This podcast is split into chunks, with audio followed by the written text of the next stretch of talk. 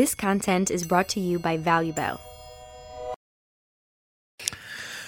שלום למאזינים ולחברים לדרך, אנחנו אה, מארחים כאן היום את אה, יעקב דסקלו, מבחינתי אחד מבכירי המאמנים, מאמני האגרוף בארץ, איש אה, אגרוף אולד סקול, מגיע מתוך אה, אה, אסכולה שבעצם עובדת על בסיס הפונ... המהותי של האגרוף. אה, שלושת בניו היו אלופי ישראל לאורך תקופות אה, מאוד מאוד ארוכות, והיום אה, עולים אליו לרגל אנשים גם שבאים ללמוד אגרוף וגם אנשי לחימה מכל מיני תחומים, אגרוף תאילנדי, MMA, שבאים לקבל ממנו את הבסיס ואת ה... איזושהי נגיעה מהותית לתוך העבודה והדרך. אני מאוד מאוד שמח אה, אה, לארח אותך כאן היום, יעקב, מאוד מאוד שמח על ההזדמנות הזאת, שלום. שלום, תודה, תודה על הכבוד.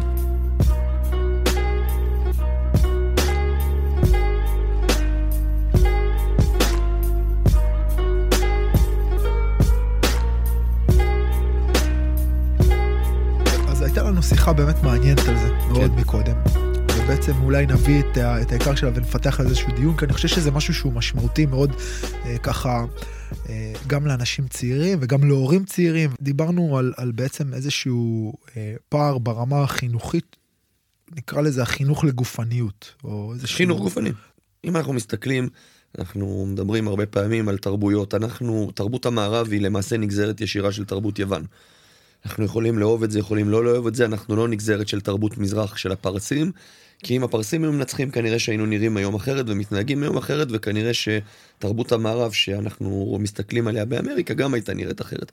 עכשיו כשאנחנו מסתכלים על התרבות היוונית, התרבות היוונית עסקה בחינוך לאריתמטיקה, לפילוסופיה, מה שנקרא מדעים ומדעי הרוח וגם לחינוך גופני.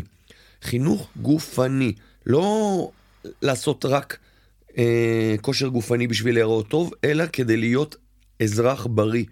נפש, כד... נפש בריאה בגוף בריא. זה, כן, נפש בריאה בגוף בריא זה ה... היהודים, אני חושב שהרמב"ם או מישהו אחר כך אמר את זה וזה בסדר, וכן, זה בדיוק, זה בדיוק הכוונה, אבל הם פשוט כיוונו למשהו מאוד מאוד בסיסי, הם אמרו שאזרח צריך להיות בריא, אין לנו את הפריבילגיה שהאזרחים שלנו יהיו חלשים.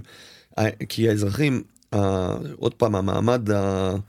המעמד היותר גבוה, הם היו לוחמים בצבא, והם היו צריכים להגן על המולדת, והם היו צריכים לעבוד, והם אמרו שמעבר לזה שאנחנו צריכים להיות אנשים חכמים, אנחנו צריכים להיות גם אנשים בריאים וחזקים. זה חוסך לנו, מסתבר שאחר כך הקומוניסטים הבינו את זה, כי זה חסך להם המון כסף בהוצאות בריאות, וזה חסך להם אה, המון, אה, זאת אומרת, המון כסף אחר כך בהכשרת חיילים לצבא. אה, קנדי בשנות ה-60 ניסה להריץ את סיירה הייסקול פרויקט של לקחת בני נוער ולהקנות להם אה, חינוך גופני אמיתי, זה לא, זה לא כל כך עבד, זה, זה נגמר, אבל חינוך גופני הוא דבר חשוב לא פחות מחינוך כללי שהוא למדעים, מקצועות ליבה, אה, תורה שבעל פה, תנ"ך, תלמוד, whatever. למה? כי בסוף, כשאני חוזר לאותה נקודה, כש, כשילד ילד, שפת הגוף שלו מדברת. כשילד אין לו ביטחון בעצמו, כי הוא חלש, כי הוא לא מסוגל לרוץ, כי הוא לא מסוגל לקפוץ, כי הוא לא מאמין בעצמו, והאמונה בעצמו נובעת ממשהו באמת, תחושת המסוגלות הפיזית שלו, כי זה מה שילדים מודדים. וכשילד הוא חסר ביטחון עצמי בגלל תחושת מסוגלות פיזית נמוכה, אז הוא משדר אה, התקרבנות. הוא מה שנקרא, איך היינו אומרים בזמנו, הנה, פרצוף מזמין כאפה. זאת אומרת, כן, אני מצטער, אני, אני מצטער, אבל זה נשמע. זאת אומרת, אתה לא צריך, אתה לא צריך להיות נפוח בשרירים כדי שיתייחסו אליך. שפת הגוף הבריאה של אדם בריא, של אדם עם ביטחון עצמי, היא כזאת שאומרים, תשמע, עזוב, לא זה הטיפוס שאני רוצה להתעסק איתו. הוא לא צריך להגיד, הוא לא צריך לבוא עם חולצה של דסקל old school boxing, והוא לא צריך לבוא עם team ברט MMA אה, על המדבקה, הוא צריך פשוט ללכת ולשדר את הדבר הכי בסיסי, הכי חייתי, ביטחון עצמי. הייתי, הייתי אומר את זה אפילו אולי, הייתי מנסח את זה בצורה של, יש איזה רמות חופש מסוימות, או תחושת שליטה מסוימת, שיש לילד בתוך הגוף שלו.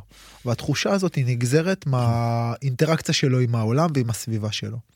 אם יש לך חופש בגוף שלך, אם יש לך יכולות, מיומנויות גופניות בסיסיות אגב, אה, שנינו בעצם לא מדברים כרגע אפילו על האקט הלחימתי, ממש לא. אלא, אלא ממש על, על איזשהו חופש בסיסי בתוך המרחב. הדבר הזה משתקף מתוך ההוויה שלך באופן שבו אתה מנהל את עצמך בעולם, באופן שבו אתה אה, נושא את עצמך במרחב, והדבר הזה הוא כמו איזשהו סוג של תמרור. בעצם איזושהי אמירה. אני, לי יש איזושהי מסוגלות, ותחושת מסוגלות מייצרת תחושת חוסן. אני, אני, זה, זה, זה כאילו משהו שאני מאוד מאוד פוגש אצל ילדים שאני עובד איתם, תחושת חוסן, רזיליאנס. חוסן זה אומר, אני יכול להיתקע בקיר, ליפול ולקום. לגמרי. מתוך הבנה שזה חלק ממה שהעולם מייצר לנו, כן, נכון? כן. כאילו, כאילו אתה הולך, אתה נופל לפעמים. אבל אם אין לך מספיק אינטראקציות עם העולם, ואין לך מספיק ביטחון באיך שאתה מנהל את עצמך במרחב, אז א', אתה מפחד ליפול, כי אתה מבין שלא נפלת מספיק, וב', אם אתה נופל, קשה לך לקום לבד. Mm. אתה מפחד לקום. אין יותר נכון מזה, אין יותר נכון מזה. אה, ובהמשך למה שאמרנו קודם, אחת, אם אנחנו מדברים על אבא זיכרונו לברכה, הוא היה אומר שלהילחם זה 5% לכל היותר מהגנה עצמית. אם הגעת למקום שאתה צריך להילחם, כנראה טעית כל הדרך. למרות שהחמש אחוז האלה צריכים להיות 100 אחוז. זאת אומרת, החמש אחוז האלה שאתה נלחם, אל תהיה פראייר. אתה, איך, איך, בטוב הרע והמכוער הוא אמר, If you want to shoot, shoot, don't talk. זאת אומרת, אם הגעת לסצנה, לקטע הזה בסצנה, שלקחת את ההחלטה, אתה ש- צריך לקחת את ההחלטה. נגמר הסיפור, אתה עכשיו לא משחק. אתה עכשיו נלחם. זאת אומרת, שלפת את האקדח, אתה לא שולף אותו כדי לאיים, אתה יורה.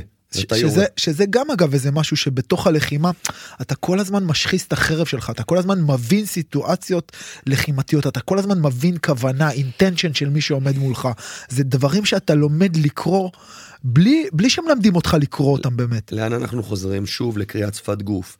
כשאתה, אתה לא צריך, אתה לא, עוד פעם, אתה, אתה יודע, יש את המשפט, ה, המשפט ההוא שאומר שיהלומים מתחשלים תחת לחץ אינסופי. אה, עוד פעם, אני תמיד, תמיד אומר שחצי האמת היא יותר גרועה מהשקר הנורא ביותר. זאת אומרת, אתה לא צריך להביא כל אחד ללחץ אינסופי, כי לא כולם הם פחמן. אם אתה תפעיל לחץ אינסופי על זכוכית, כנראה שאתה תשאר עם רסיסי אדם. ו- וחלק מאיתנו הם כבשים, וחלק מאיתנו הם כלבים, וחלק מאיתנו הם זאבים.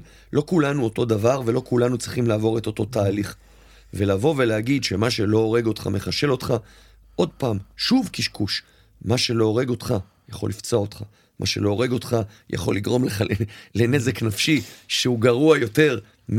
הוא, הוא גרוע יותר מנזק פיזי.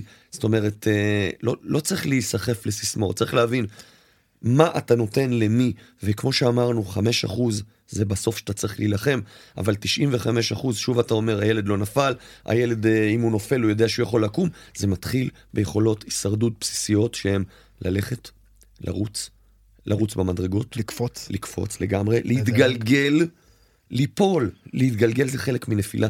להתגלגל זה תכונה, זה, זה יכולת הישרדות.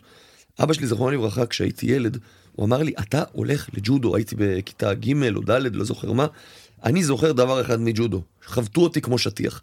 זה מה שאני זוכר מג'ודו, הייתי תמיד ילד, ילד רזה, דחליל כזה, היו פשוט מעיפים אותי, ומג'ודו למדתי, שאלתי אותו, אבא, למה אתה רוצה שאני אהיה בג'ודו? הוא אמר לי, אתה רוצה את האמת? אמרתי לו, כן, שתלמד ליפול. מדהים. לגמרי. האמת שזה זה פרט, פרט חדש שאני מגלה על הביוגרפיה שלך. לא כן, ידעתי כן. שגם אתה היית בג'ודו. הייתי יעקב. בג'ודו איזה שלוש שנים כשהייתי ילד, למדת ליפול. למדתי ליפול. בעיקר למדתי ליפול, אני זוכר הטלה וחצי, אני, אני יכול לבצע אותה, אבל מה שלמדתי בג'ודו זה ליפול קדימה, ליפול שמאלה, ליפול ימינה, ליפול אחורה, להתגלגל קדימה, להתגלגל ולהתגלגל לאחור, ואני יכול להגיד לך שזה דבר מאוד חשוב, וכשאנחנו חוזרים לנקודה של מה אנחנו רואים היום, אנחנו רואים היום ילדים שלא יכולים לרוץ, לא יכולים לקפוץ, לא יכולים ליפול, אם הם נופלים הם מתרסקים, זה משהו שפוגע, זה, זה יכולות הישרדותיות שלא קיימות אצלם, וזה הרבה לפני שאני מדבר איתו, באים אליי, תגיד, הילד שלי, אני רוצה שילמד להילחם. אני אומר, למה? למה שילמד להילחם? הוא יודע, הוא, הוא, הוא, הגוף שלו מסוגל לשאת אותו, הגוף שלו מסוגל לספוג מכה, הגוף שלו, אם הוא ייפול עכשיו, יזרקו אותו לרצפה, הוא ייפול ולא ישבור את השיניים על הכביש, הרבה לפני שאתה מלמד מישהו להילחם, אבא זיכרונו לברכה היה אומר, אצ... ככה הוא היה אומר, הוא אומר, אצלי במכון, כמה חודשים ראשונים לא היית נוגע בכפפות, היית לומד לרוץ, לקפוץ, היית לומד להתחזק, היו עושים איתך מה שנקרא, ברומנית קוראים לזה gimn... אה, gimnastica. gimnastica. אה, זה, זה התעמלות בסיסית, calisthenics, מה שנקרא. אה, המטרה הייתה שלפני שאתה מקבל מכה, שהגוף שלך יהיה מסוגל לשאת אותך. להכיל. בדיוק, בדיוק, ואחרי זה בוא תשים כפפות ותלמד לסגור ידיים. ו...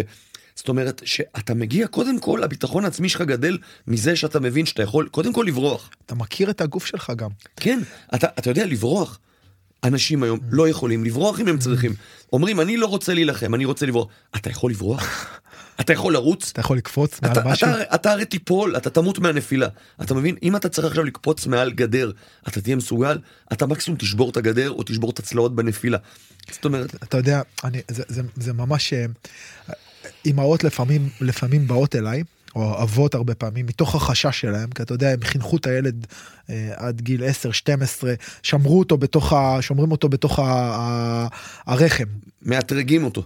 ש, שומרים אותו, כן, שומרים אותו בתוך הרחם, עד, עד שהרחם לא יכול כבר להכיל אותו. כלומר, אתה יודע, גיל 12-13, זהו, הילד כבר... ואז אה, נתקלים, מתחילים להתקל בבעיות האלה החברתיות, ואז מביאים אליי את הילד. ואומרים לי, קח את הילד, לי או לצוות של המורים שלי, אתה יודע, זה לא... ואומרים, אה, בוא, בוא תהפוך אותו כאילו ללוחם. והרבה פעמים, מה, שאני אומר לאמהות זה, אה, אה, אם אתה מקבל צ'יטה, אתה לא יכול להפוך אותה לג'ירפה. ואם אתה מקבל ג'ירפה, אתה לא יכול להפוך אותה לצ'יטה. שניהם שחורים וצהובים, אבל זה לא אותה חיה. הקטע הוא כזה, אתה יודע, אני שם פה כוכבית, אבל הקטע הוא כזה. גם ג'ירפה בטבע יודעת לרוץ ולבעוט, ולעשות מה שהיא צריכה לעשות כדי לשרוד, להשתמש בכלים שלה, וזה לא רע, זה לא הופך את הצ'יטה ליותר טובה את הג'ירפה יותר טובה מהצ'יטה.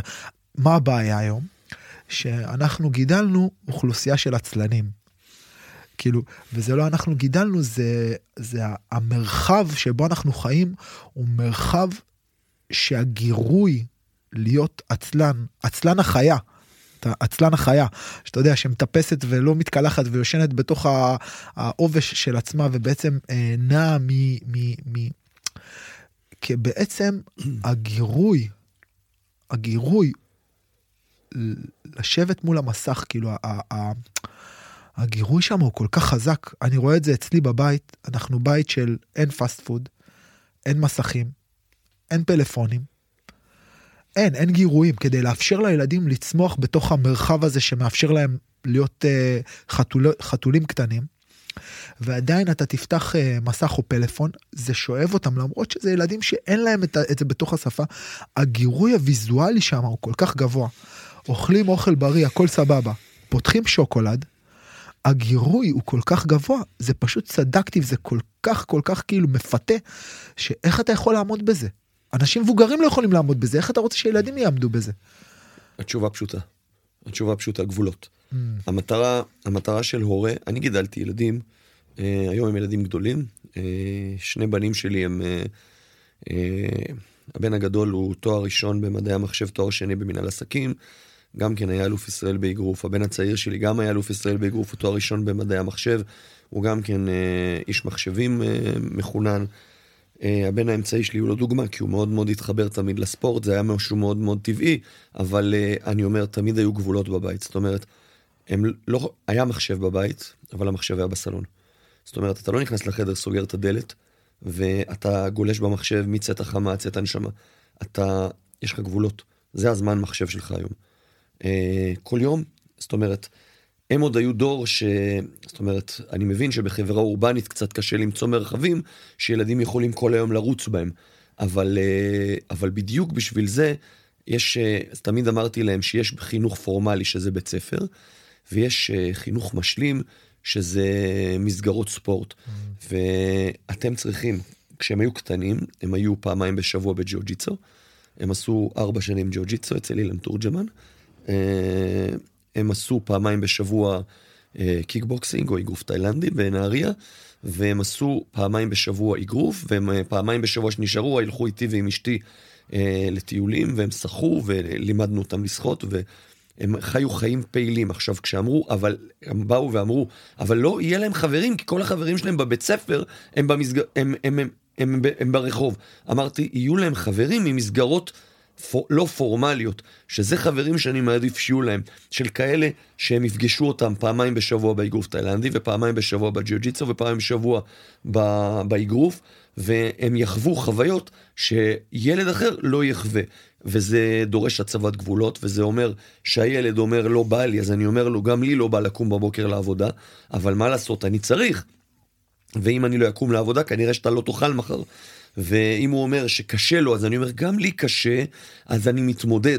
וכשהילד בא וקיבל אה, מכה, אה, קיבל מכה ואומר שכואב לו, אני אומר, בסדר, כואב, יש דברים יותר כואבים. אתה תתמודד, אתה לא תמות כי קיבלת מכה, אתה לא תמות כי, הטיחו אותך במזרון, אתה לא תמות כי לקחו לך ג'וג'י גטאמה, ואתה לא תמות כי, כי אני לא יודע מה, כי, כי רצת יותר מדי. אתה תפתח הרגלים בריאים, אתה תתאמן כל יום, אתה תקבל כלים לחיים, ואתה, ואתה תבוא הביתה, אתה תאכל עם תיאבון. אתה לא תאכל כי אתה פתחת את המקרר ומשעמם לך. אתה תאכל כי יש סיבה למה שאתה אוכל, ואתה תאכל אוכל טוב, ואשתי שתהיה בריאה בשלה להם כל השנים אוכל אמיתי, אוכל של בית, כמו שאתה מתאר, בלי פאסט פוד, ולא היה חסך בממתקים, היה ממתקים בבית. אבל עוד פעם, לכל דבר הזמן והמקום. וחלק מהעניין העניין הכי חשוב הוא להציב גבולות ולעשות מסגרת, כי המסגרת היא מה שבתוכה אתה מתפתח, והיא מה שמגנה עליך, בעיקר מפני עצמך, אבל גם מפני דברים מבחוץ. וילדים, הם לא יודעים. ילדים לא רוצים את ההורים, את ההורים בתור ספונסרים, ילדים לא רוצים את ההורים בתור חבר, ילדים רוצים את ההורים בתור הורים. אלה, הורה זה אחד שמראה לו לאן ללכת. וזה, זו הנקודה, זו הנקודה, ו, ו, ואת הפשע הגדול עשו בני הדור שלי. אני אומר לך, את בני הדור שלי. בני הדור שלי רצו לעשות למען עצמם. אני, אני ראיתי איך חברים שלי מה, ש, ש, ששירתו איתי, הילד קורא לאבא בשמו, אומר לו, משה, בוא רגע. אני אומר לו, תגיד, הוא קורא לך בשם שלך? הוא אומר לי, כן. אני אומר לו, תגיד, אתה נורמלי? הוא אומר, לא, אני רוצה שהוא יהיה חבר שלי. Mm. איתי היו קשים, אני רוצה... אני אומר לו, תגיד, אתה לא קולט שהתבלבלת? אתה יודע איזה סטירות אני קיבלתי מאבא שלי? תקשיב, אומרים לי אתה לא מפחד לעשות ספארינג בגיל 54? אני אומר אני קיבלתי מאבא שלי סטירה, שלושה ימים, שלושה ימים שמעתי, שמעתי את הציפורים מצייצות באוזניים. אתה, אתה יכול להפחיד אותי? זאת אומרת, אה, אה, זאת אומרת, אז לא הייתה שאלה בכלל. היום יותר מדי, אה, אתה אמרת מקדשים את חופש הבחירה. חופש הבחירה זה לא אנרכיה. חופש, חופש הבחירה זה לא הפקר, זה בחירה. לך כהורה יש בחירה, מה נכון לילד, לא מה נכון לך כרגע כי אתה רוצה לפתח קריירה, לא מה נכון לך כי נוח לך עכשיו לגלוש ברשתות החברתיות, מה נכון לילד? לילד נכון עכשיו שאתה תהיה איתו, לילד נכון עכשיו שתלך איתו לתחרות, לילד נכון עכשיו שאתה תעמוד ותגיד לו תעשה שיעורי בית.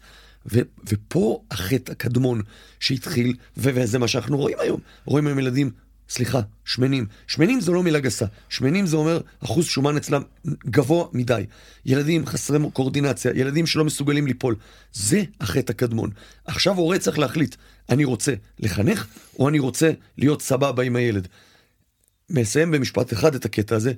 כשאבא של חברה של הבן שלי הצעיר, טוקו, אמר שאצלנו ברוסיה ובאוקראינה, כשהיית מביא את הילד למאמן, היית אומר למאמן, תשמע, אני אומר לך, אני מנסה לצטט לך את זה. העצמות שלך, האור והבשר שלנו. אני אמרתי לו, מה אתה מתכוון? הוא אומר, תשמע, שבור לו את העצמות, לא אכפת לי, תחזיר לי אותו. הכוונה הייתה, תחנך אותו, גם אם זה יהיה קשה. תחנך אותו. אני נותן לך את כל הלגיטימציה, תעשה את מה שצריך. הוא לא בא להפריע לו, הוא לא בא להגיד לו לילד לא כיף באימון כי הוא אמר לו להתגלגל 30 פעם, הוא לא בא להגיד שהילד רוצה ג'ימבורי כי באימון עושים את אותו, אני יודע מה, את אותה מכה במשך 500 פעם. ההורה הבין שהוא צריך ליישר קו עם המורה, ואיך היו אומרים לי, המורה לא תמיד צודק, אבל הוא תמיד המורה, mm. וזהו, mm. זו הנקודה. יש פה איזה, יש פה כמה דברים, אתה יודע, גם יש פה איזשהו סוג של... אה, אה, אה, דיסוננס בין משהו שהיה פעם למשהו שהיה עכשיו, אולי זה גם יפתח לנו איזה נושא לשיחה. אבל כעיקרון אני מרגיש ש... אה, שאם אנחנו מדברים טיפה אחורה בזמן, הייתה איזושהי שותפות גורל או איזושהי שותפות בין ההורים, בין הבית ספר ובין המסגרות הלא פורמליות. כולם היו ברמה מסוימת אה, מחנכים. כולם התעסקו בחינוך. והיום מה שאני מרגיש שקורה זה שאחד, הכוח של בית ספר כמחנך ירד. בית ספר היום הוא משהו שהוא בעיקר בתי ספר פורמליים.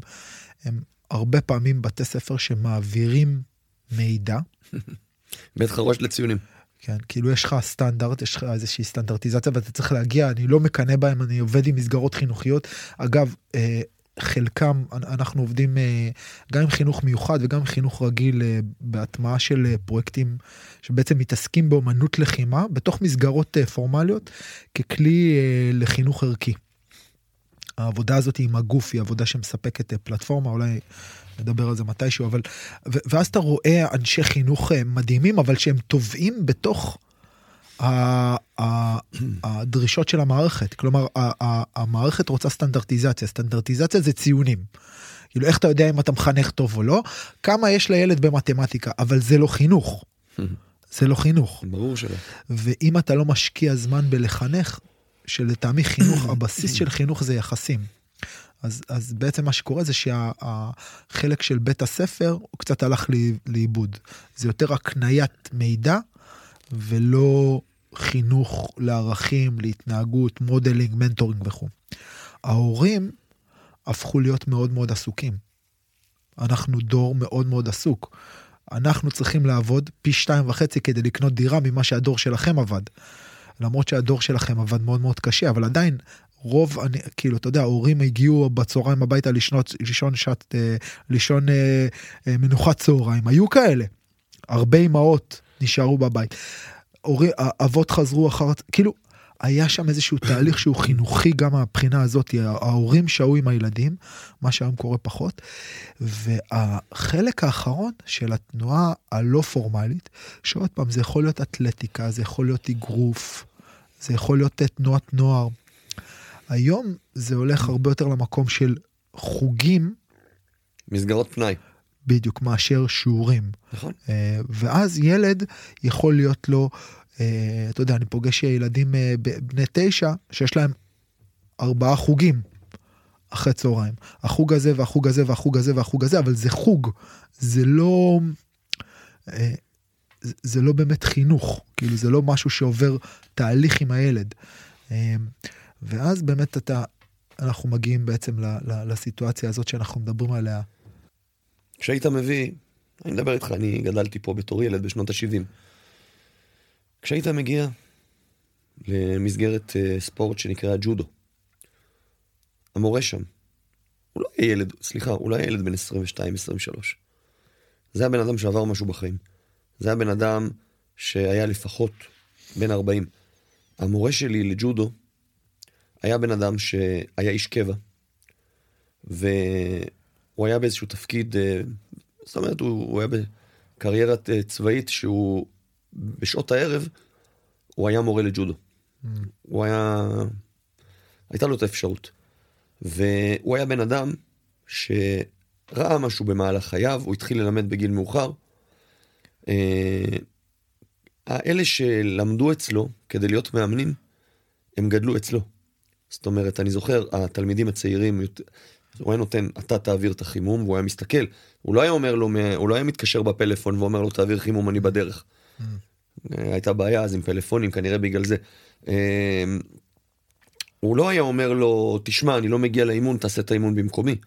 התלמידים היותר בכירים כבר היו מדגימים. זאת אומרת, היה מין כזה תהליך שהיה מין שוליה. זאת אומרת, היום אנחנו אומרים שוליה זו מילה גסה. אבל איך למדו בעבר להיות מאמנים. קח למשל את אנג'לו דנדי, אם אנחנו מדברים על אגרוף. הוא היה טכנאי במפעל למטוסים. הוא גדל בסטילמן, במכון של סטילמנס ג'ים, הוא ישב שם, והוא בהתחלה היה זה שמביא תדלי יריקות. אחרי זה, הוא היה זה שהוא היה יושב ומקשיב מה המאמן אומר למתאגרפים. הוא היה מסתכל איך המאמן מתנהל מול מתאגרפים. הוא, היה, הוא למד בפינה להיות קאטמן. הוא למד בפינה למרוח וזלין, הוא למד בפינה אה, את כל השטיקים והטריקים של איך להכין את המתאגרף לסיבוב הבא. הוא לאט לאט הבין את המקצוע, התחיל להיות מקובל יותר, והבינו, המתאגרפים שם, הם אלה שנתנו לו את הכוח, הם אלה שבאו ואמרו לו, תשמע, אתה יודע את העבודה, תתחיל ללמד. הוא לא הלך לאיזושהי מכללת וינסנט או לא יודע מה, לקבל- לקבל לקבל איזושהי. תעודה שהוא ילד בן 22, 23, הוא שילם 8,000 שקל והוא נהיה מדריך אגרוף. הוא עבר דרך של שנים, וכשהוא הרגיש מספיק בטוח, אז הוא התחיל ללמד. והוא לאט לאט למד תוך כדי. והוא גדל עם המתאגרפים שלו, כי מה לעשות? כי, כי אתה יודע, באים אליי אנשים ואומרים לי, תשמע, אני שולח אותו, ל, אני שולח אותו ל- למאמן הזה והזה. עכשיו, אני לא נעים לי. אני אומר, בהצלחה. איך, איך הוא בתור מאמן? אני אף פעם, לא- זאת אומרת, אם הבן אדם, זאת אומרת, אם הבן אדם הוא בן אדם טוב, אני אומר, תשמע, אתה בסדר, זה בעל מקצוע, שים את הילד בשקט. אם אני לא יודע, אני אומר, תשמע, אני לא יודע. לא יודע. תבין מה שאתה רוצה. אני לא יודע, מה שאני לא יודע, אני לא מדבר. עכשיו, אני, אני אומר לך, הבן שלי, האמצעי, הוא בן, 25, בן 26, אני התעכבתי בזמן. הוא אלוף ישראל באגרוף מ-2006, זה הרבה הרבה שנים. הוא כל החיים שלו, הוא מגיל 8 בזירה, בגיל 12 הוא כבר היה בתחרות בינלאומית, עשה מקום שלישי באירופה לילדים. כל השנים הוא מתחרה, ואני אומר לך שהוא בן 26 והוא כבר מלמד, והוא עשה קורס מדריכי קיקבוקס. אה, ואני אומר לך שהדרך שלו להיות מורה עוד ארוכה, והוא מבין את זה. הוא מבין את זה. ואני רואה אנשים שלא עברו דרך של פרומיל ממה שהוא עשה באימונים, ובאים לך עם אה, תעודה, ומעלים כל מיני שטויות. עם מה- אינסטגרם. עם אינסטגרם, בדיוק, ועם איזה מישהי, עם... אה, לא משנה, עם הבגד ים חוט הזה, שהיא, שהיא מרביצה על הידיים, ויש להם, לא יודע מה, הם נמדדים בכמות העוקבים שיש להם, ואתה אומר, ו- ו- ו- ואומרים לי, תשמע, אני מתאמן אצל ההוא וההוא. מה אתה רוצה שאני אגיד לך? זאת אומרת, עכשיו, אתה מסתכל, כך גדלו מאמנים, אם זה היה באגרוף, אם זה היה בקראטה, אם זה היה בטייקוונדו, אנשים גדלו ליד המאמן, הם היו 15 שנה, זאת אומרת, בן אדם היה צריך להתאמן לפחות עשור בשביל שהמאמן יגדל אותו תחתיו ויסמוך עליו. היום, אינסטנט, הכל אינסטנט. ובן אדם אחרי שנה, הוא כבר יודע. יש לזה, יש לזה איזשהו פלוס ומינוס, כי מצד אחד, אלה שיש להם את החשבונות אינסטגרם ו, ואת, ה, ואת, החשבונות פייסבוק, את זה שיש הרבה ידע, זה הופך את התחום לנגיש. כי כמו שאתה אומר, פעם, מועדוני אגרוף, היו, מה זה פעם? לפני 20 שנה, כאילו, אני, אני, אני זוכר אותי מגיע למועדוני אגרוף לעשות ספארינג אגרוף. זה בדרך כלל באזורי תעשייה כאלה, מרתפים מתוחבים, בכל מיני אזורי ספר, ואתה נכנס, יש שם ערב רב של פרצופים כאלה שחלקם לא היית רוצה לפגוש אותם באיזה סמטה חשוכה. שמים כפפות, ה- הבטן שלך מתהפכת שמה. ו- ו- וזה הרבה פעמים הטייפקאסט של המקומות ש... ופתאום עכשיו, שזה נחשף, אז פתאום זה מוציא את ה... את ה... סקסיות של התחום הזה, זה פתאום מנגיש את זה מאוד, פתאום בחורות עושות את זה, משהו שפעם, מה, מה, עד לאיפה היית צריך ל- ללכת כדי לקבל מישהי שהיא אה, אה, אה, פוטנציאלית, מתאמנות פוטנציאליות. תראה פתאום מה קורה בתחום הזה מבחינת בנות, פתאום, פתאום זה מגיע. אז כאילו מה שאני בא להגיד זה שתמיד יש פלוס ומינוס בתוך המקום הזה. אני גם כואב את הדבר הזה, שאני אני יכול לפתוח אינסטגרם ולראות אנשים שאני אומר, אלוהים, וואו, איך, איך הבן אדם הזה, איך הוא מאמן, איך זה קורה בעצם. אז זה המינוס של זה. ומצד שני זה כן, כן, כן פותח את ה... כן פותח את המקצוע. זה... אני, אני מאוד, עוד פעם, אני מאוד, כן, זה, זה, יש חשיפה ואמר פעם מישהו שאין פרסום רע, אבל uh, צריך להבין שזה גם יצר מציאות, ש... זאת אומרת, מצד אחד אתה חשוף להמון המון דברים, האנשים נחשפים להמון המון המון דברים, אבל, אבל הסף, הסף, הסבלנות שלהם, הרצון שלהם באמת ללמוד, הוא בדיוק כאורך הסרטון. זאת אומרת, אתה יודע, הרי, הרי, הרי מה זה אינסטגרם? אם אני מדבר עכשיו על אגרוף, זה פורנו. זה נראה מדהים, זה נראה מהמם, נראה פשוט גדול מהחיים. גם פורנו. אל תנסה את זה בבית. זה לא האמת. זאת אומרת, זה הצגת מציאות מעוותת. אה, כשאתה בפועל, אתה בפועל רואה אחוז אחד של אמת, 99 אחוז של שקר. כי בסופו של יום, בסופו של יום, הרי מה אתה רוצה? אם אתה רוצה לחנך מישהו, אתה רוצה להגיע איתו לליבת העניין. אם אני מלמד מישהו אגרוף, אני צריך להגיד לו, תשמע, אתה צריך להבין משהו. בשביל שיהיה לך ג'ב, אתה צריך לעבוד חודשים. חודשים לעבוד על הג'ב שלך. ואז הוא בא, ואז אני בא, והוא מגיע לי לאימון, ואחרי שני אימונים, שלושה אימונים, אני נותן לו לעשות את אותו דבר. וכן, הרמה שלו משתפרת באחוז אחד או שניים מפעם לפעם. והג'ב שלו כל כך רחוק ממה שג'ב צריך להיות. ואז הוא פשוט, מה, זהו? אין לך מה ללמד אותי? ואבא שלי, זכרונו לברכה, היה אומר, תגיד, ג'ב, אתה יודע לתת? אני אומר לו בערך. אז הוא אומר, עד שאתה לא יודע ג'ב כמו שצריך, מה אני אלמד אותך לתת ימין? הוא אומר, אתה לא מרגיש טווח. אתה לא יודע לעמוד. הוא אומר, הוא אומר אתה, לעמוד, אתה יודע? אני זוכר עד היום האחרון שהוא היה חי, הוא אומר לי, תעמוד. הוא היה אומר, "ת- כאילו, תעמוד בעמידת קרב, זה, ברומנית זה תעמוד בהגנה. כמו שאומרים, יש את ה guard, את ה guard, ב, את ה guard בג'יו-ג'יצו. בג'יו-ג'יצו, כן. guard זה הגנה. כן. אז תעמוד בהגנה, תעמוד בהגנה. בדיוק, תעמוד בהגנה, ואז למה המרפקים שלך למעלה? ואתה אומר, ואתה אומר, ואתה אומר, כן, אבל ככה עובדים. והוא אומר לי, לפני שאתה מלמד מישהו לתת מכה, הוא צריך ללמוד לעמוד. הוא צריך ללמוד איפה להחזיק את המשקל. הוא צריך ללמוד איך ללכת שמאלה, ימינה, קדימה, אחורה. הוא צריך להיות מסוגל לתת ג'ב. ג'ב, המכה הכי בסיסית. כי איך אתה מוצא את הדרך בחושך כשאין לך כלום? אתה שולח את היד. זה הג'ב שלך. אגרוף בלי ג'ב זה אגרוף בחשיכה. אז השאלה, השאלה היא אם אנחנו היום כאנשי מקצוע, שבוא נגיד, התפתחנו קצת מהדור הקודם, מצד אחד יש את ההבנה שאתה צריך להשחיז את, הש, את, ה, את החרב אלפי פעמים עד שהיא נהיית חדה, ואי אפשר לברוח מזה. לא. וזה זה, זה הקיצור דרך ש, של, ש, בעצם שאנחנו מנסים למנוע מהאינסטגרם. כאילו, ההבנה הזאת שאתה תבוא למכון, תעביר פה שלושה שבועות, ועכשיו תעלה סרטון לאינסטגרם מגניב שאתה זורק קומבינציות. אז בעצם, זה מצד אחד. מצד שני, הדרך הסובייטית, הקומוניסטית של... זה לא הדרך הסובייטית, זה, אני מצטער, אני מתקומם נגד זה, אני, אני שלמה כמו שלי יחימוביץ', אני יוצא חוצץ נגד זה. לא, זה לא הדרך הסובייטית. ככה לימדו פעם, איך אמר רוג'ר מוודר, If you don't have a jab, go and buy one. זאת אומרת, אין דבר כזה הדרך הסובייטית. הסובייטים לא המציאו את האגרוף, חבר'ה צאו מזה. הסובייטים לא עשו אגרוף יותר טוב מהאמריקאים ולא יותר טוב מהאנגלים. הד- הדרך הסובייטית לאמן. הדרך אוקיי? הסובייטית לאמן גם היא לא המצאה. זאת אומרת, אני שמעתי פעם, חבר יקר שלי, מר פורטל, אה, אמר לי, אתה יודע מה ההבדל בין מאמן אגרוף סובייטי למאמן אגרוף אה, אמריקאי? שהוא לוקח 30 ומוציא 30 אלופים, והוא לוקח 30 ומוציא אחד אלוף. זה לא נכון. הוא, הוא לא, לא, הסובייטי לוקח 30 ומוציא 30 מתאגרפים טובים, האמריקאי לוקח 30 ומוציא אחד אלוף עולם. אוקיי, אוקיי, אז עכשיו ככה, אז בוא, נ- בוא נדייק את זה.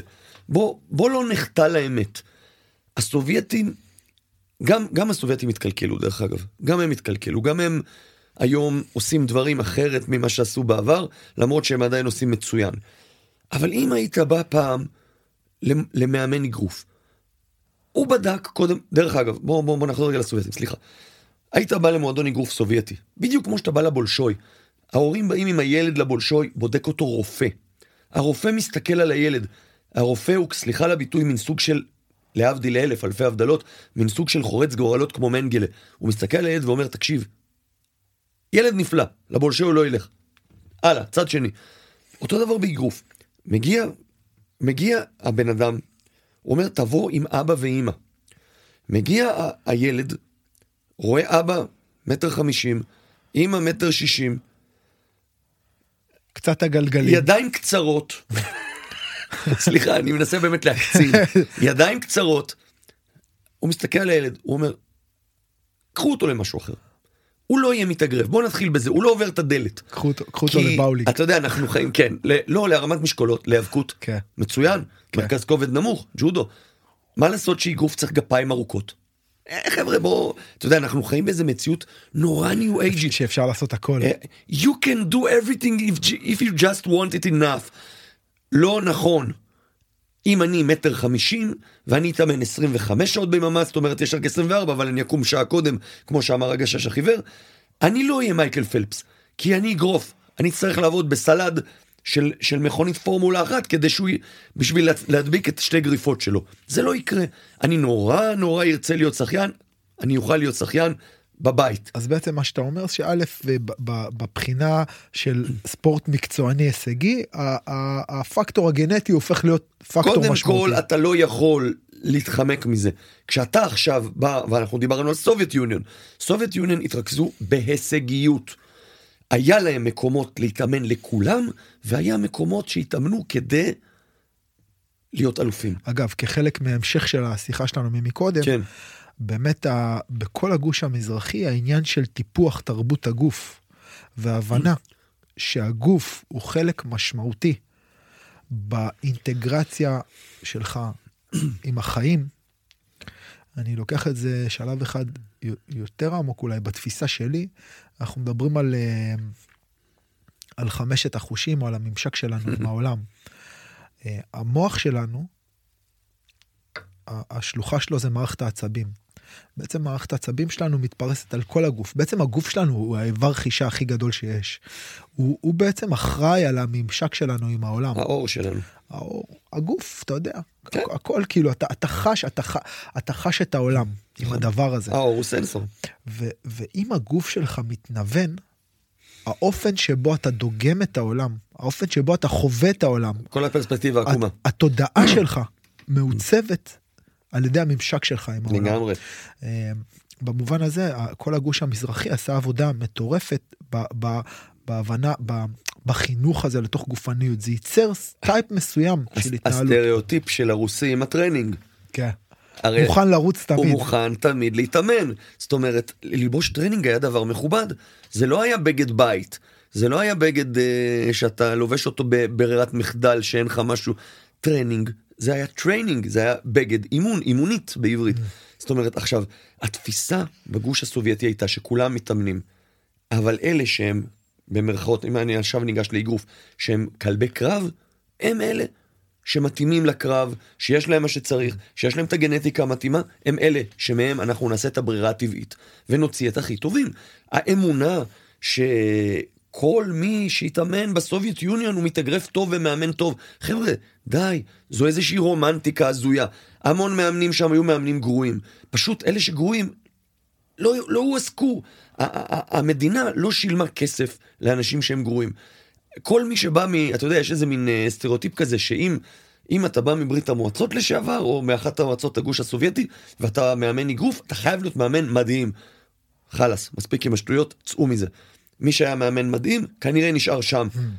אה, לא שאני מזלזל, מספיק עם הסטריאוטיפים. או אם אתה פוגש בזירה ערבי, אז הוא בטוח קסחן. ואם אתה פוגש בזירה רוסי, הוא בטוח טכניקן. חבר'ה, מספיק עם הסטריאוטיפים, זה קשקוש. עכשיו, כשאתה בסובייט יוניון, פשוט עבדו במתודה מאוד, היה להם מתודה מאוד סדורה. תורת האימון שנכתבה במזרח גרמניה, שלא הייתה ידועה במרכאות במערב, הם עבדו על מתודה מסוימת. עכשיו, במערב לעומת זאת, אם אנחנו מסתכלים על ארה"ב, מה הייתה הסיבה של אדם להתאגרף? הוא התאגרף כדי להתפרנס. איך אמר ג'ק דמפסי? הוא אמר, תשמע, כשמה שמפריד בינך לבין הארוחה שלך זה זה שנמצא מולך, ארוחה של דולר, אז תן לי עם פטיש חמש קילו על הלסת, אני קם. זאת אומרת, האמביציה שלו להתאגרף הייתה כסף. בזמן שבגוש הסוב... הסובייטי היה מדליות וחיים טובים של ספורטאי, ואבא שלי זכרונו לברכה, הוא היה מאמן, אז הוא היה באוטומטית סרן בצבא, וקיבל את כל ההטבות. עכשיו, שוב, גם שם היו הטבות. זה לא ששם הייתה איזה נאיביות כזאת, ש... ש... שמי שהיה ספורטאי, היה ספורטאי למען האידיאולוגיה. חלאס, מספיק עם השטויות, גם זה סטריאוטיפ. אז הם, אז הם לא קיבלו פורש, אבל הם קיבלו קילו בשר.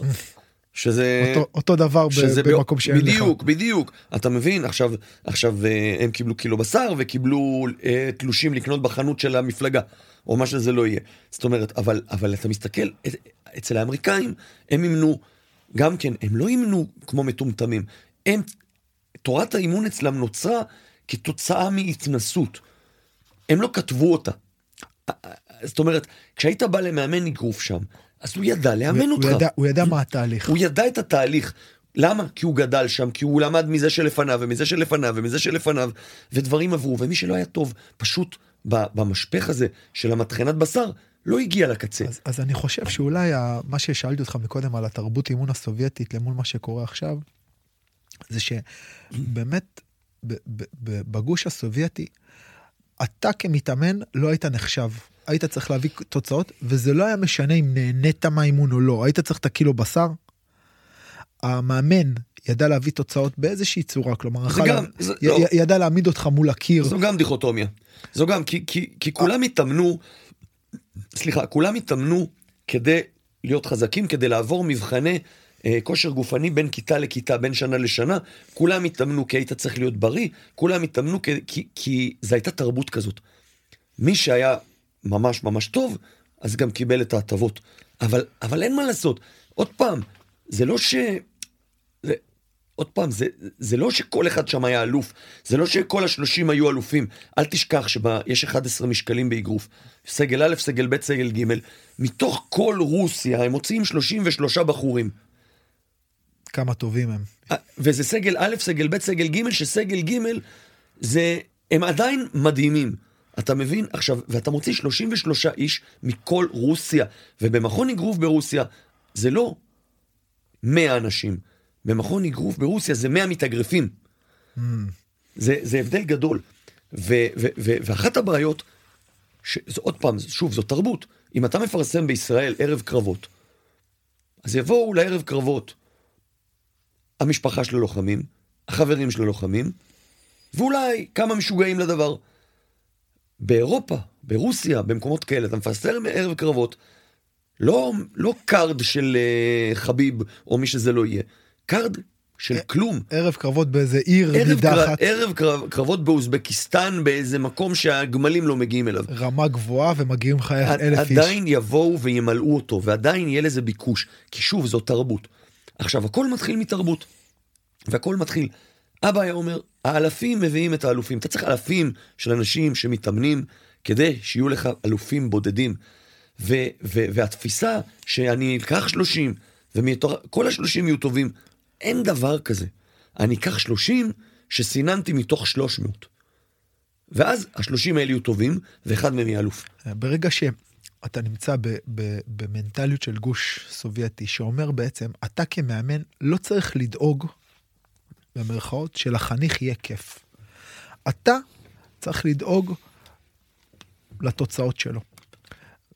זה מחזיר אותי לאמרה שעוד פעם אני משתמש בה הרבה.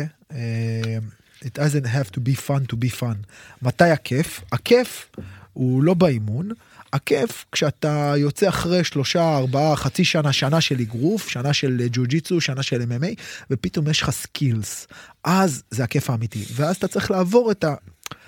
הקטע הוא שהיום אנחנו, במקום הזה, במקום הקפיטליסטי המערבי, אתה לא יכול לקחת מתאמן ולזרוק אותו מול הקיר ולהגיד לו זרוק אלף jab, אתה יודע, Mister Miyagi style, wax on wax off. אתה חייב לפתח כישורים נוספים כמאמן שעוזרים לך לתווך למתאמן את הערך של מה שהוא עושה עכשיו, להסביר לו את זה ולחנך אותו לא בשיטה עם הסרגל, אלא במשהו שהוא טיפה יותר מורכב. זה הדיסוננס שאני מדבר עליו, שאגב, אני חושב שברמה הרחבה יותר, הופך אותנו לאנשי מקצוע יותר טובים.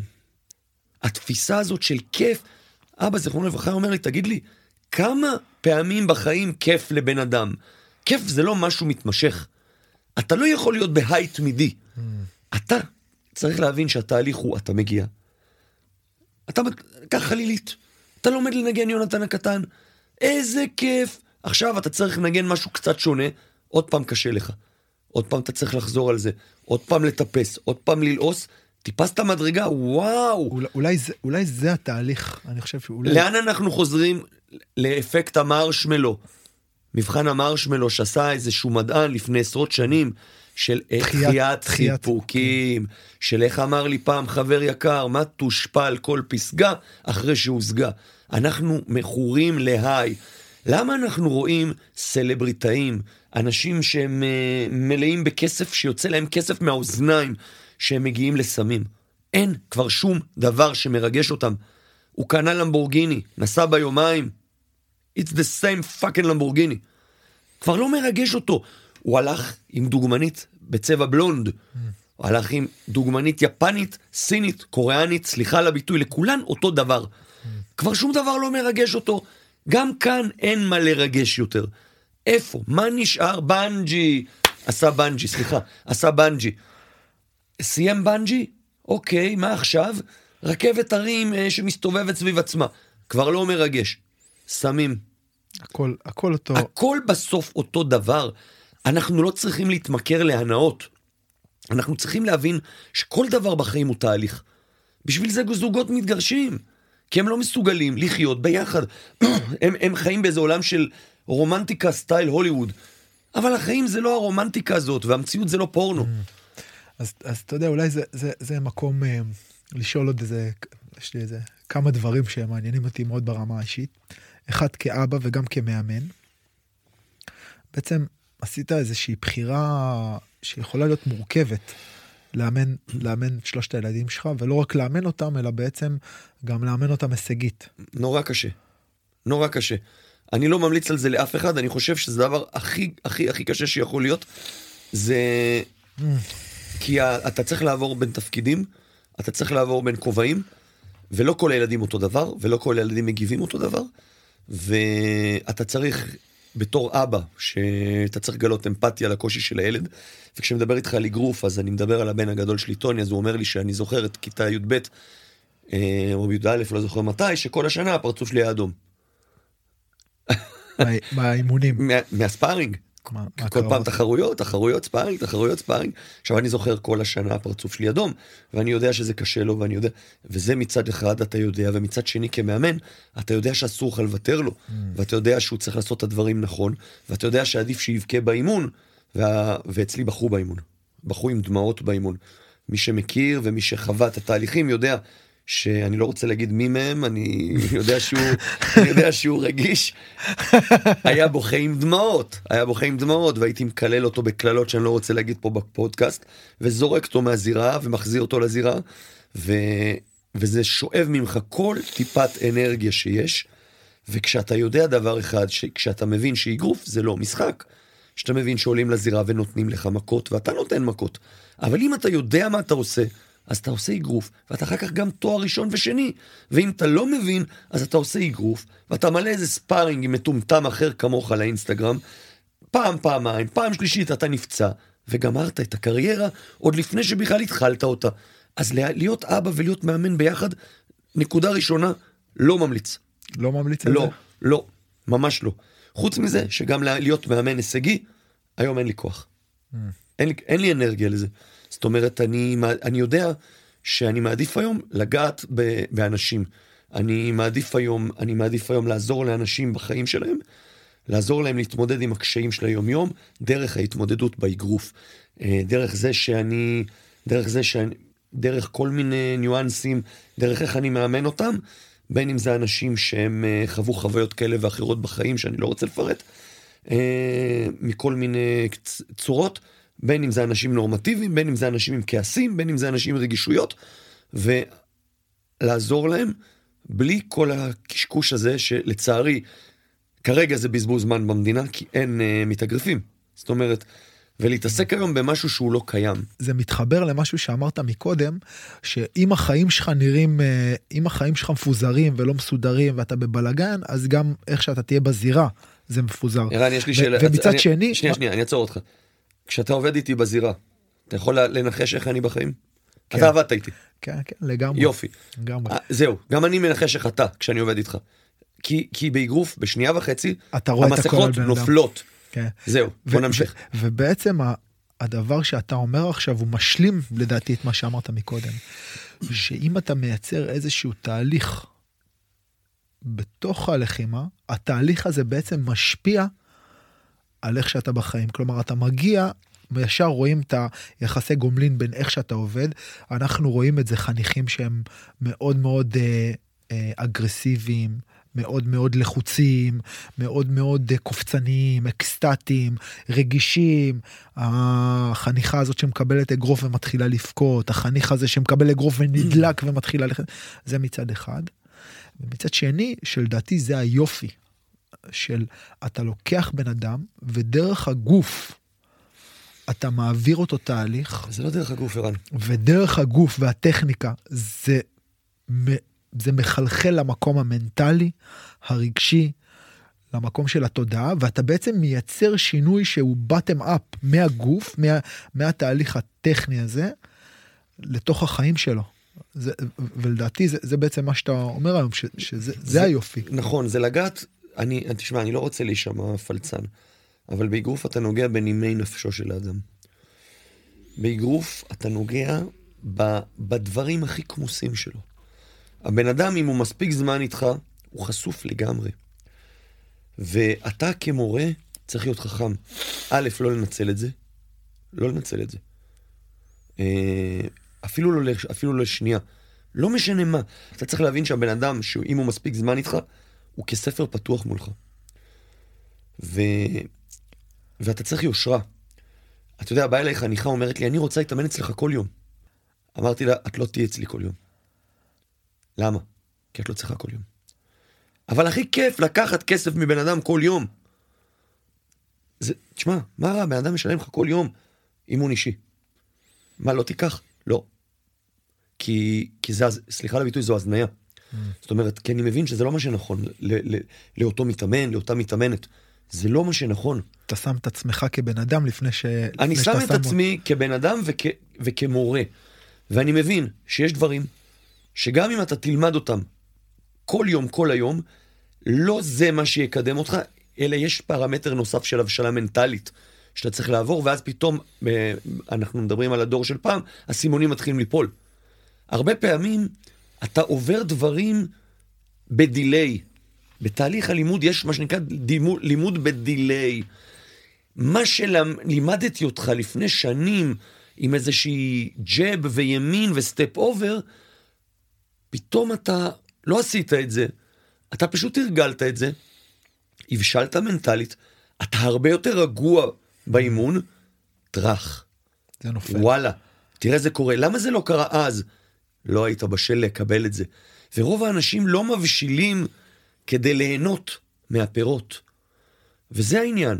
וזה בדיוק העניין. ולגעת לבן אדם בנפש, ולכוון אותו, ולהבין מה נכון בשבילו, לא מה נכון בשבילי כמורה. אני לא, אתה יודע, אני לא נזיר ולא חזיר. שני דברים. לא מתנזר.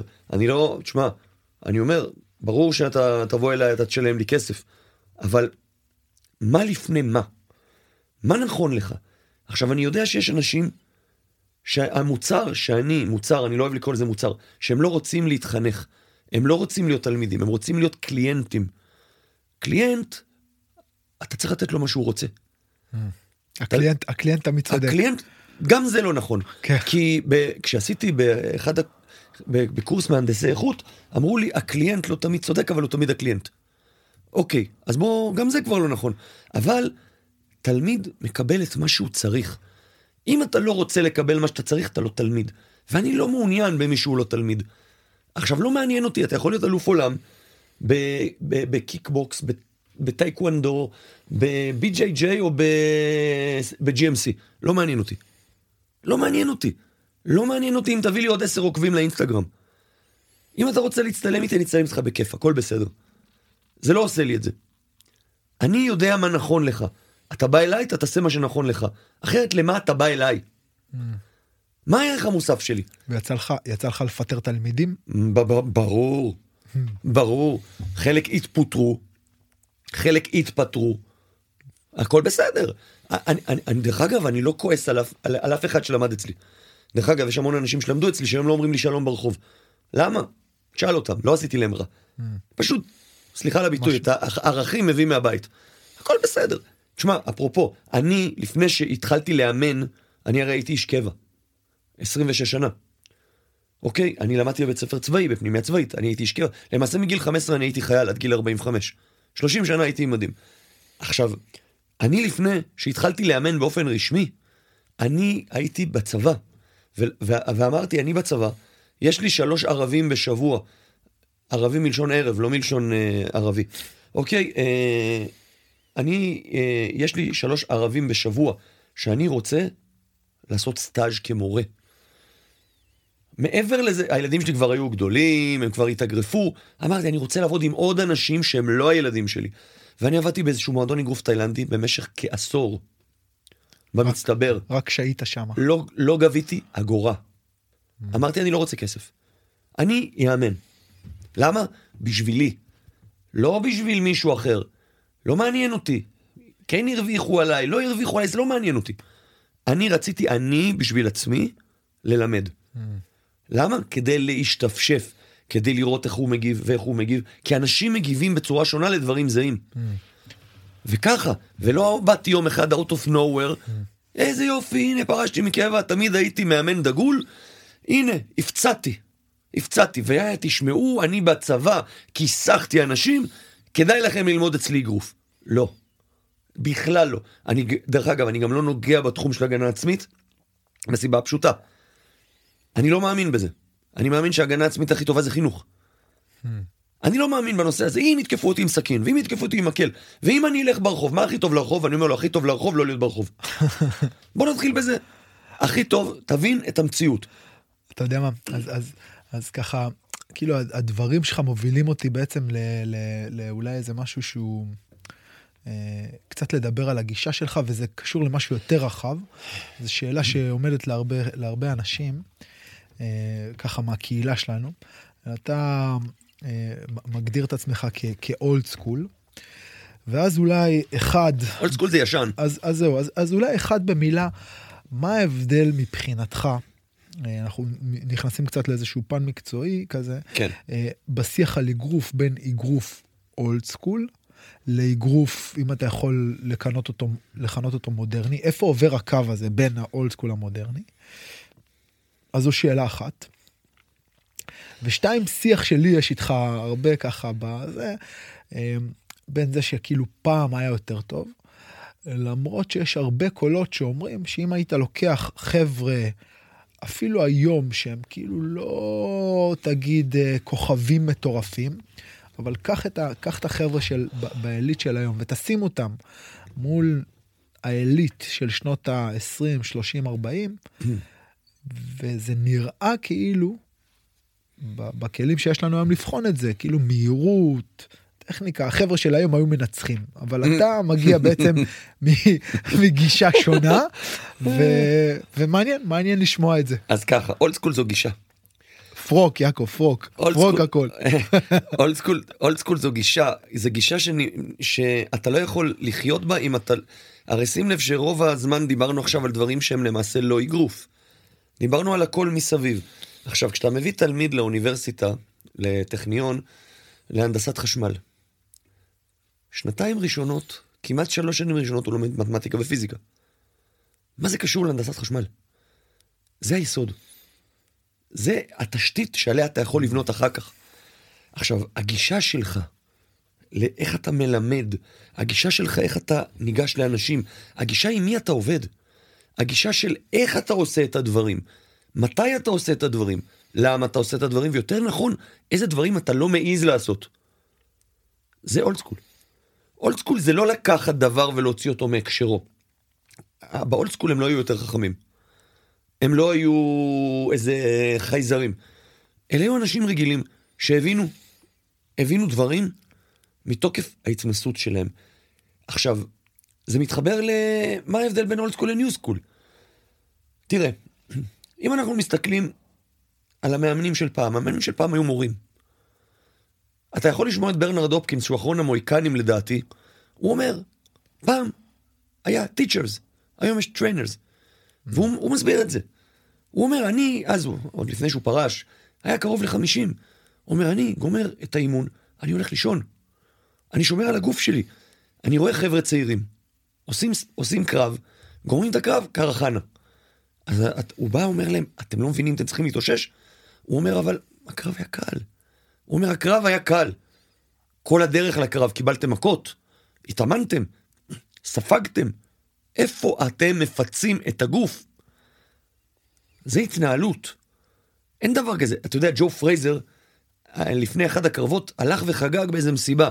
המאמן תפס אותו מהאוזניים, הוציא אותו. אני רוצה לראות איזה מאמן היום בא לווילדר, מוציא אותו ממסיבה. הוא מרביץ למאמן שלו. עכשיו, ברור שהמאמן של פרייזר לא היה חזק כמו פרייזר, אבל המאמן היה מאמן, והמאמן של פרייזר בסיבוב אחרון, 14, עוצר את הקרב מול מוחמד עלי במנילה. כי העין של פרייזר אחת כבר הייתה חצי גמורה, ועלי פיצץ לו את העין השנייה. ובסיבוב 13 או 14, לא זוכר כבר, הוא אומר לו, אתה לא, ממשיך. ועלי היה גמור. עלי דיבר על הקרב, הוא אומר, ראיתי מלאכים מושכים אותי. האולם היה שם בחום של 40 מעלות בפיליפינים, לא מזגן, לא כלום, הוא היה בדיהידרציה נוראית. עלי גם היה על סף קריסה. אבל אדי פאץ' old school. הוא אמר, אתה לא ממשיך. לא מעניין אותי שזה קרב אליפות עולם, לא מעניין אותי מה עברת עד עכשיו, אתה עוצר פה. כי אתה צריך את העיניים שלך. וזה old school. מה זה new school? New school זה מעלים בן אדם ונותנים לו למות בזירה. כי לא זורקים מגבת. זה מעלים בן אדם לא מוכן, והוא נפצע. New school זה כל הקרבות קרקס. למה נותנים רישיון אגרוף לבן אדם? יש פה אחריות. באגרוף מקבלים מכות. זה new school. New school זה לקחת אנשים שלא עברו תהליך, אבל הם מושכים קהל, ולזרוק אותם לאש. כסף. רק כסף, גם מה זה הכסף? אבל רק כסף. עכשיו, וה business מעל הכל. אם תסתכל על האולד סקול, היה שמונה קטגוריות משקל. זהו, זהו. היום יש כ-17. Mm. היה חגורה אחת. היום יש, אני לא יכול לספור. פלויד מייוודר הגדול, מעולם לא היה undisputed. הוא אף פעם לא ייחד חגורות. אף פעם. לא הוא ולא פקיאו. הם היו, ב, הם היו אלופי עולם, הכל בסדר.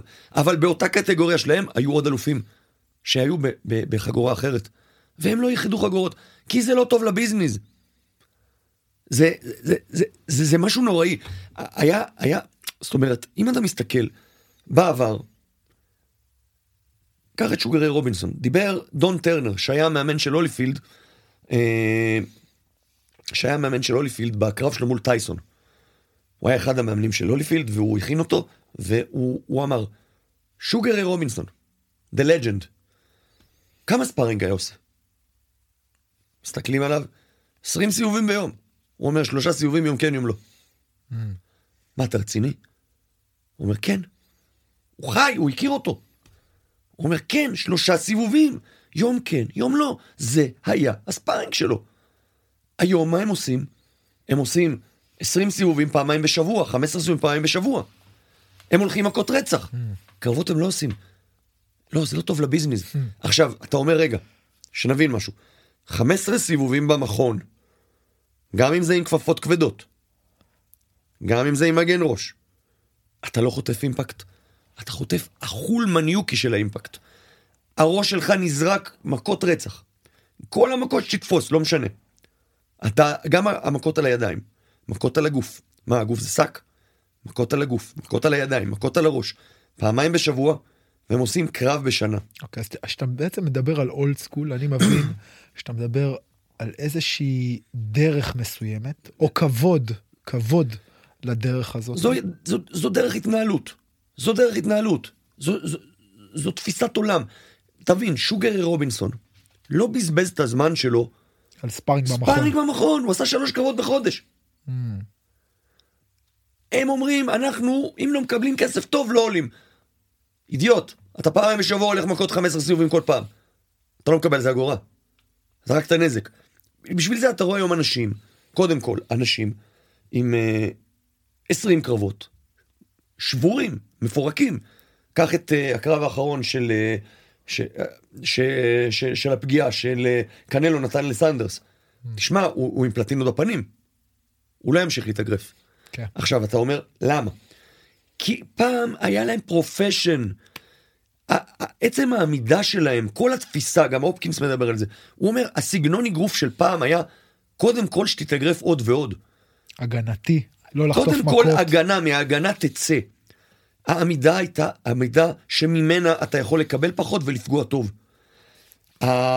הקרבות לא היו 12 סיבובים לכל היותר, הם היו 15 וגם 20 היו. הם לא עשו קרב בשנה, הם עשו שלוש בחודש. ארצ'י מור עשה כ-200 קרבות, 201 אולי, מתוכם 130 תוצאות נוקאוט. עכשיו בוא נגיד, בוא נבין משהו, אומרים לא, הוא עלה מול נהגי מוניות. חביבי, כשאתה, יש לך חגורה אחת, כולם מתכנסים לאותה חגורה. גם אם אתה עולה מול 100 נהגי מוניות, יש לך עוד 100 שהם לא.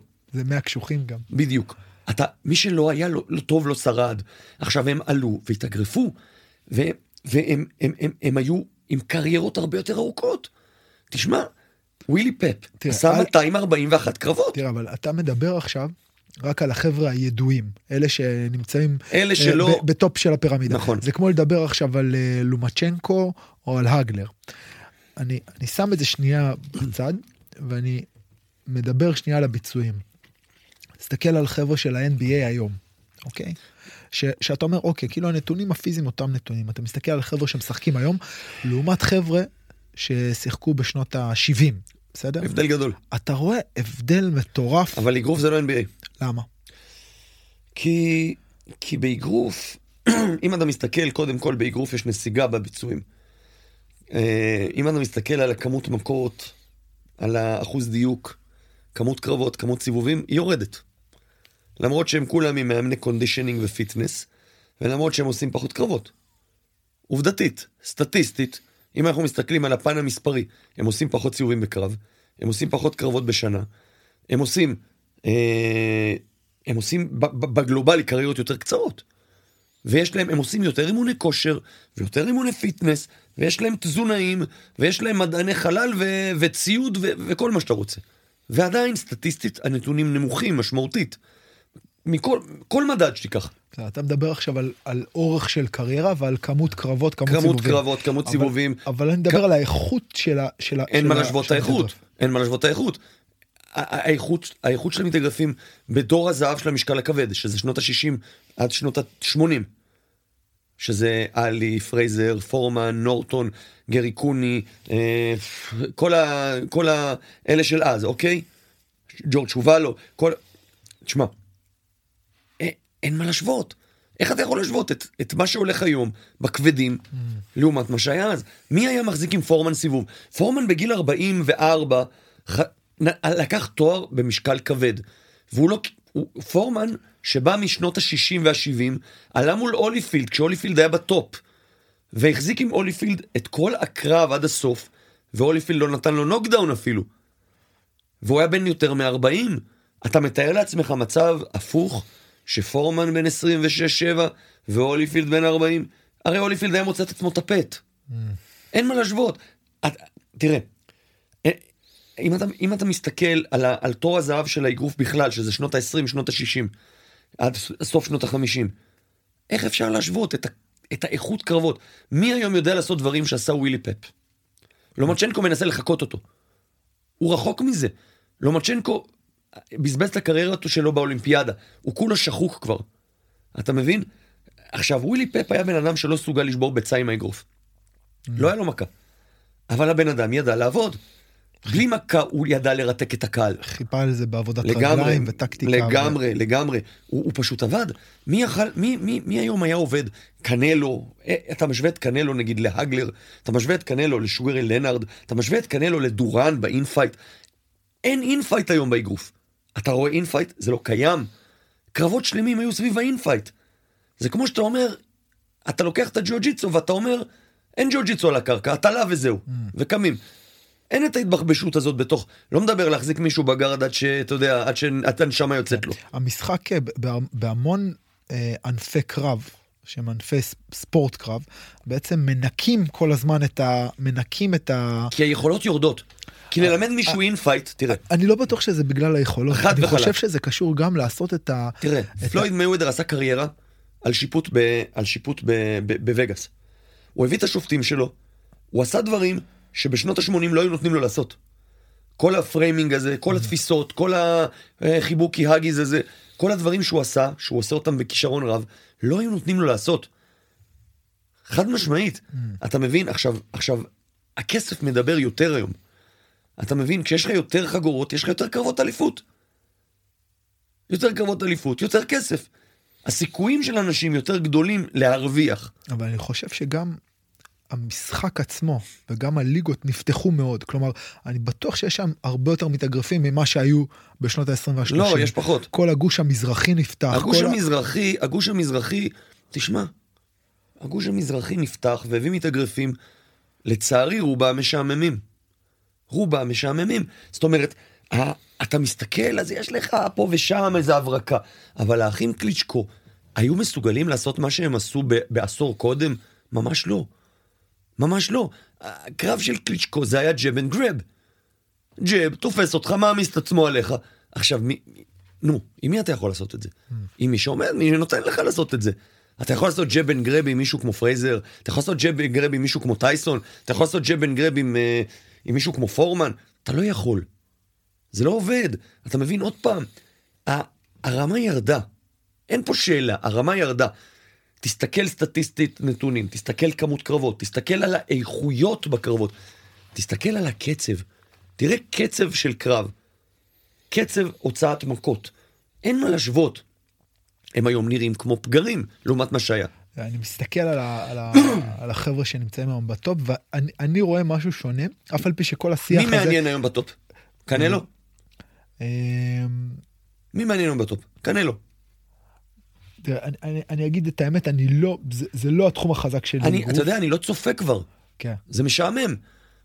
עזוב את הקורונה עם ה... שעשתה פגרה לכולם. אני חושב שזה משעמם, כי קצת אה, הפסיק, הסיפור שמאחורי... תראה, טייסון היה סיפור. יכלת... פרינס נסים, נסים חמד היה סיפור. אה, פלויד תמיד היה מעורר שיח. תראה, אתה לא ידעת את הסיפור. פיורי, פיורי וויילדר גם מייצרים לך איזשהו סיפור. אני חושב שהאגרוף הפך להיות קצת, קצת שטוח היום. ובגלל זה, אולי זה מוביל לשאלה הבאה, למאבק של האגרוף מול ה-MMA, כספורט הלחימה המוביל. אין מאבק. אני, אני חושב שה-MMA היום הוא, הוא... אין מאבק לדעתי. למה? כי זה ענפים שונים. אה, קצת יותר נמוך. אין, אין מאבק בין האגרוף ל-MMA. ה-MMA עשה טוב לאגרוף, הוא הוציא את האגרוף מהמרתפים. פתאום הבינו שאגרוף זה חשוב, ה-MMA הוציא את ההיאבקות מהמרתפים. Mm. פתאום הבינו שהיאבקות זה חשוב. אה, אני זוכר כילד בשנות ה-70, אמרו לי, מה, אגרוף. אני אומר לה איזה צוקי אחד, או איזה שוטו אחד, ו... ונגמר, או שאחרי זה, מה, מי מנצח, ברוסלי או מוחמד עלי, זה היה ויכוח בשנות ה-70. אז לא אמרו ברוסלי, אמרו ברוסלי. זאת אומרת, היינו ילדים, היינו הולכים לראות סרטי קראטה, לא כן. סרטי קונג פו. כן. מי ידע מה זה קונג פו? אתה מבין? עכשיו, אין ויכוח. אגרוף יש לו את הקהל שלו. בעיניי, בעיניי, בסוף ה-MMA יהיה אגרוף. זה מין אבולוציה דבולוציה כזאת. בעיניי, בסוף. הרי מה מעניין? בואו בוא נהיה רגע הוגנים. מה אנשים רוצים לראות? אנשים רוצים לראות מכות. אה, אתה יכול לקחת את ה-MMA ולתת חוקים שייתן יתרון מובהק למתאבקים. ואז הקרב ייראה כמו אורגיה רומאית על הקרקע, אף אחד לא יקום על הרגליים, מי שיושב שורה ראשונה, רינגסייד, לא יראה כלום, כי ממילא זה מעליו. את מי זה יעניין? אז אמרו, רגע, רגע, תשמע, זה לא מושך כסף. בואו ניתן להם כפפות ארבע. למה כפפות ארבע? תוריד את הכפפות, מה יהיה? אף אחד לא יוציא אגרופים. בוא נהיה אמיתיים. תוריד, אם תוריד את הכפפות. תוריד את הכפפות, אף אחד לא יוציא אגרופים. למה? כי אתה בין אגרוף לאגרוף אתה תוכל לשמוע מהדורת מבט. כי אתה מפחד על הידיים. מה לעשות? לתת אגרופים בידיים חשופות, קודם כל זה מיומנות. זה, זה משהו שהרבה מאוד מהחבר'ה שמאזינים אולי לא, לא יודעים, כי יש איזשהו פער בין איך שהם מתאמנים, התפיסה הרומנטית של איך זה אמור להיראות, איך זה נראה. עוד פעם, חוזרים לעניין הפורנו. עניין אה. הפורנו.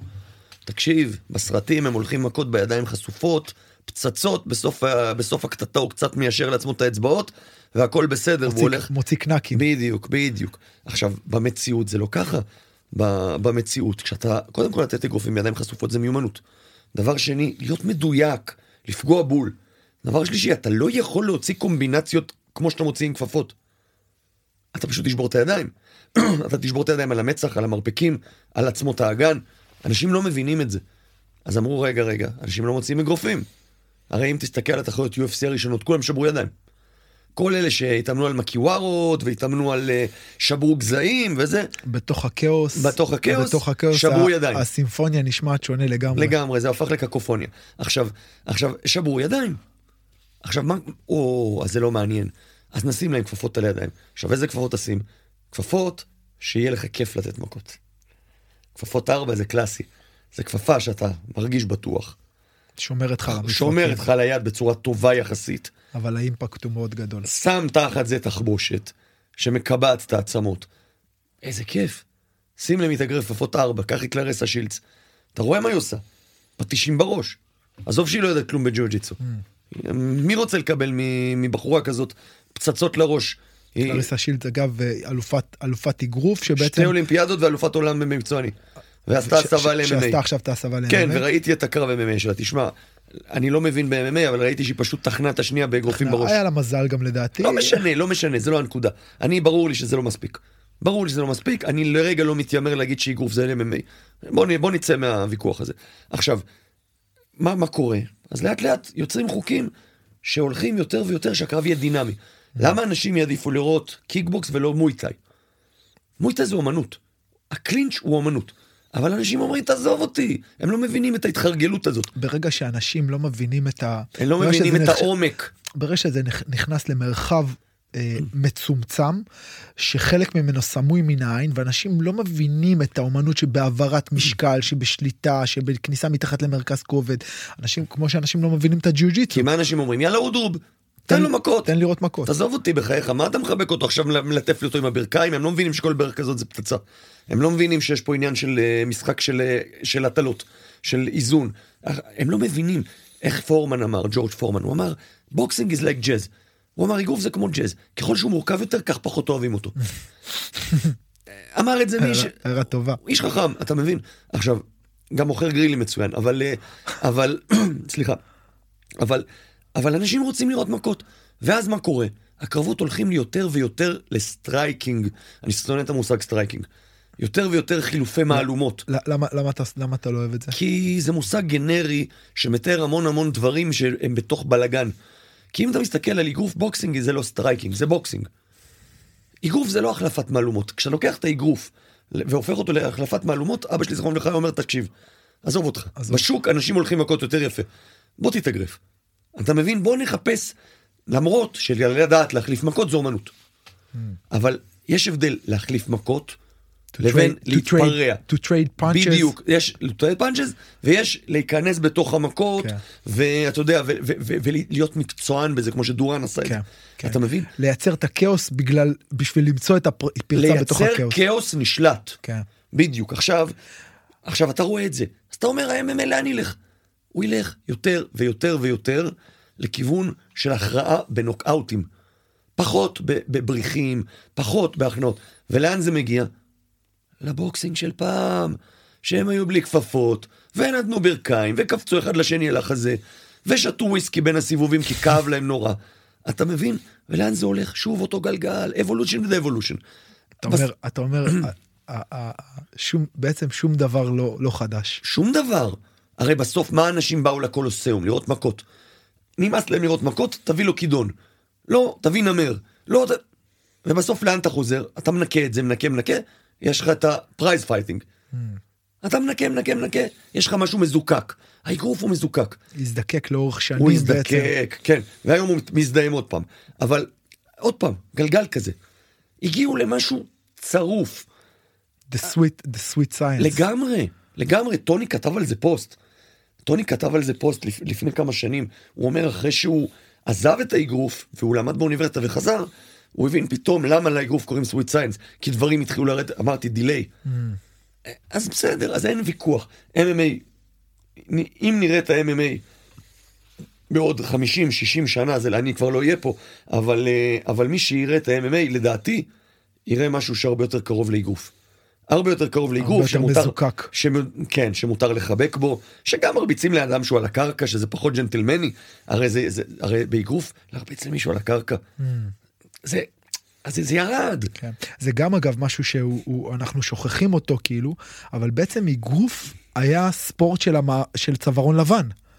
זה, זה היה אגרוף, מעמד גבוה. אגרוף. קיימברידג' ו... ו...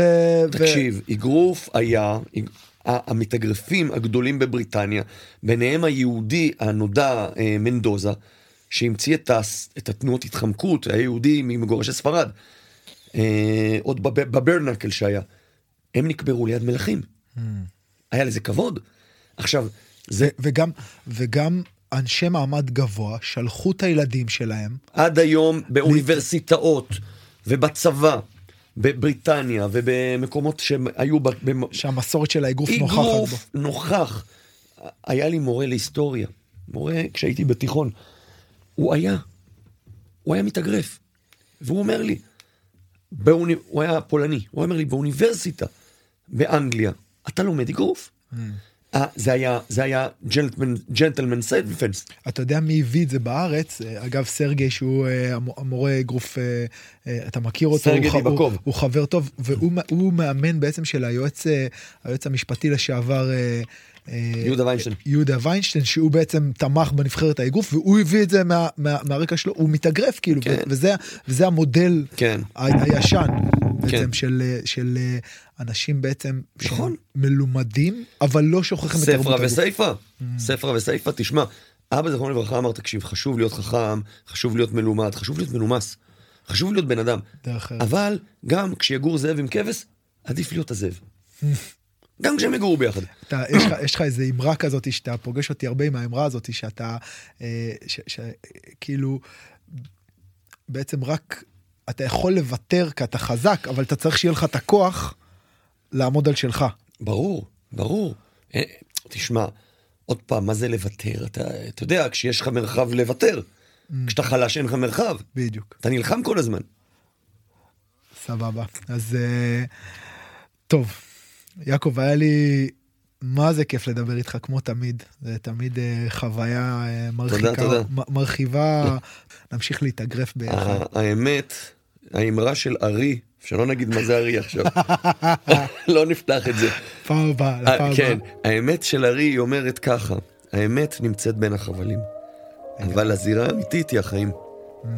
אוקיי? זה אבא תמיד היה אומר. אבא היה אומר, תשמע, הזירה שלך זה החיים. יש זמן קצר בין החבלים.